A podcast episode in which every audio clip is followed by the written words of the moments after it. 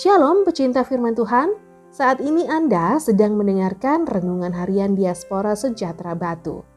Pembacaan Alkitab hari ini terambil dari kitab Keluaran pasal 21 ayat 33 sampai 36.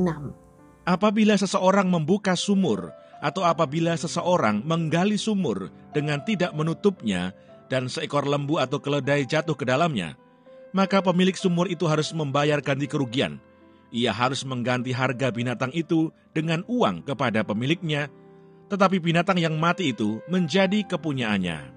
Apabila lembu seseorang menanduk lembu orang lain sehingga mati, maka lembu yang hidup itu harus dijual, uangnya dibagi, dan binatang yang mati itu pun harus dibagi juga.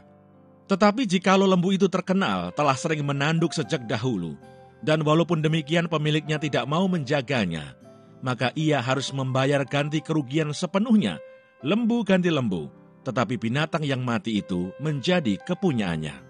Ayat Mas hari ini terambil dari kitab Keluaran pasal 21 ayat 33 sampai 34.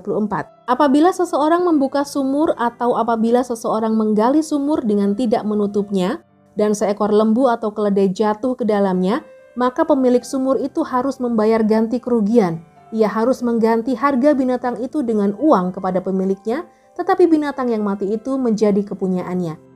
Keluaran pasal 21 ayat 33 sampai 34. Renungan hari ini berjudul Kelalaian. Seorang anak kecil berusia lima tahun terjatuh dari mobil di jalanan yang cukup ramai. Untungnya, tidak sampai terjadi kecelakaan yang fatal terhadap anak tersebut. Peristiwa itu terjadi dikarenakan sang driver yang tidak lain adalah ayah dari anak itu sendiri lupa mengunci pintu mobil. Sehingga ketika handle pintu ditarik maka pintu akan terbuka. Untuk mengantisipasi akibat yang fatal dari kelalaian, maka Allah sudah memberikan aturan dan konsekuensi yang akan diterima.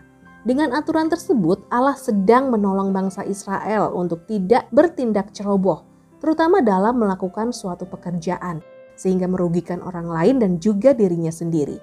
Dalam kehidupan di dalam Tuhan, kiranya setiap kita selalu mengoreksi diri dari segala sisi, supaya mengetahui bagian mana yang harus diperbaiki, ditingkatkan, dan dipertahankan.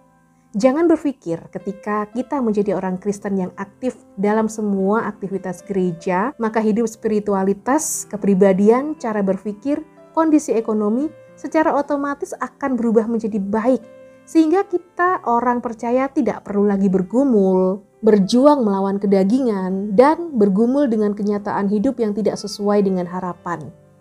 Seharusnya, semakin kita aktif dalam aktivitas gereja, maka pikiran kita harus semakin terbuka dan teliti dalam menganalisa kenyataan hidup, karena prinsip hidup ini adalah firman Allah, sehingga kita dapat mengerti apakah kita sedang berjalan di luar kehendak Allah atau tidak. Dengan demikian, setidaknya kelalaian yang berakibat fatal dapat diminimalis.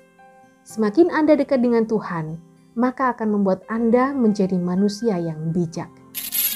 Maka berikanlah kepada hambamu ini hati yang faham menimbang perkara untuk menghakimi umatmu dengan dapat membedakan antara yang baik dan yang jahat. Sebab siapakah yang sanggup menghakimi umatmu yang sangat besar ini?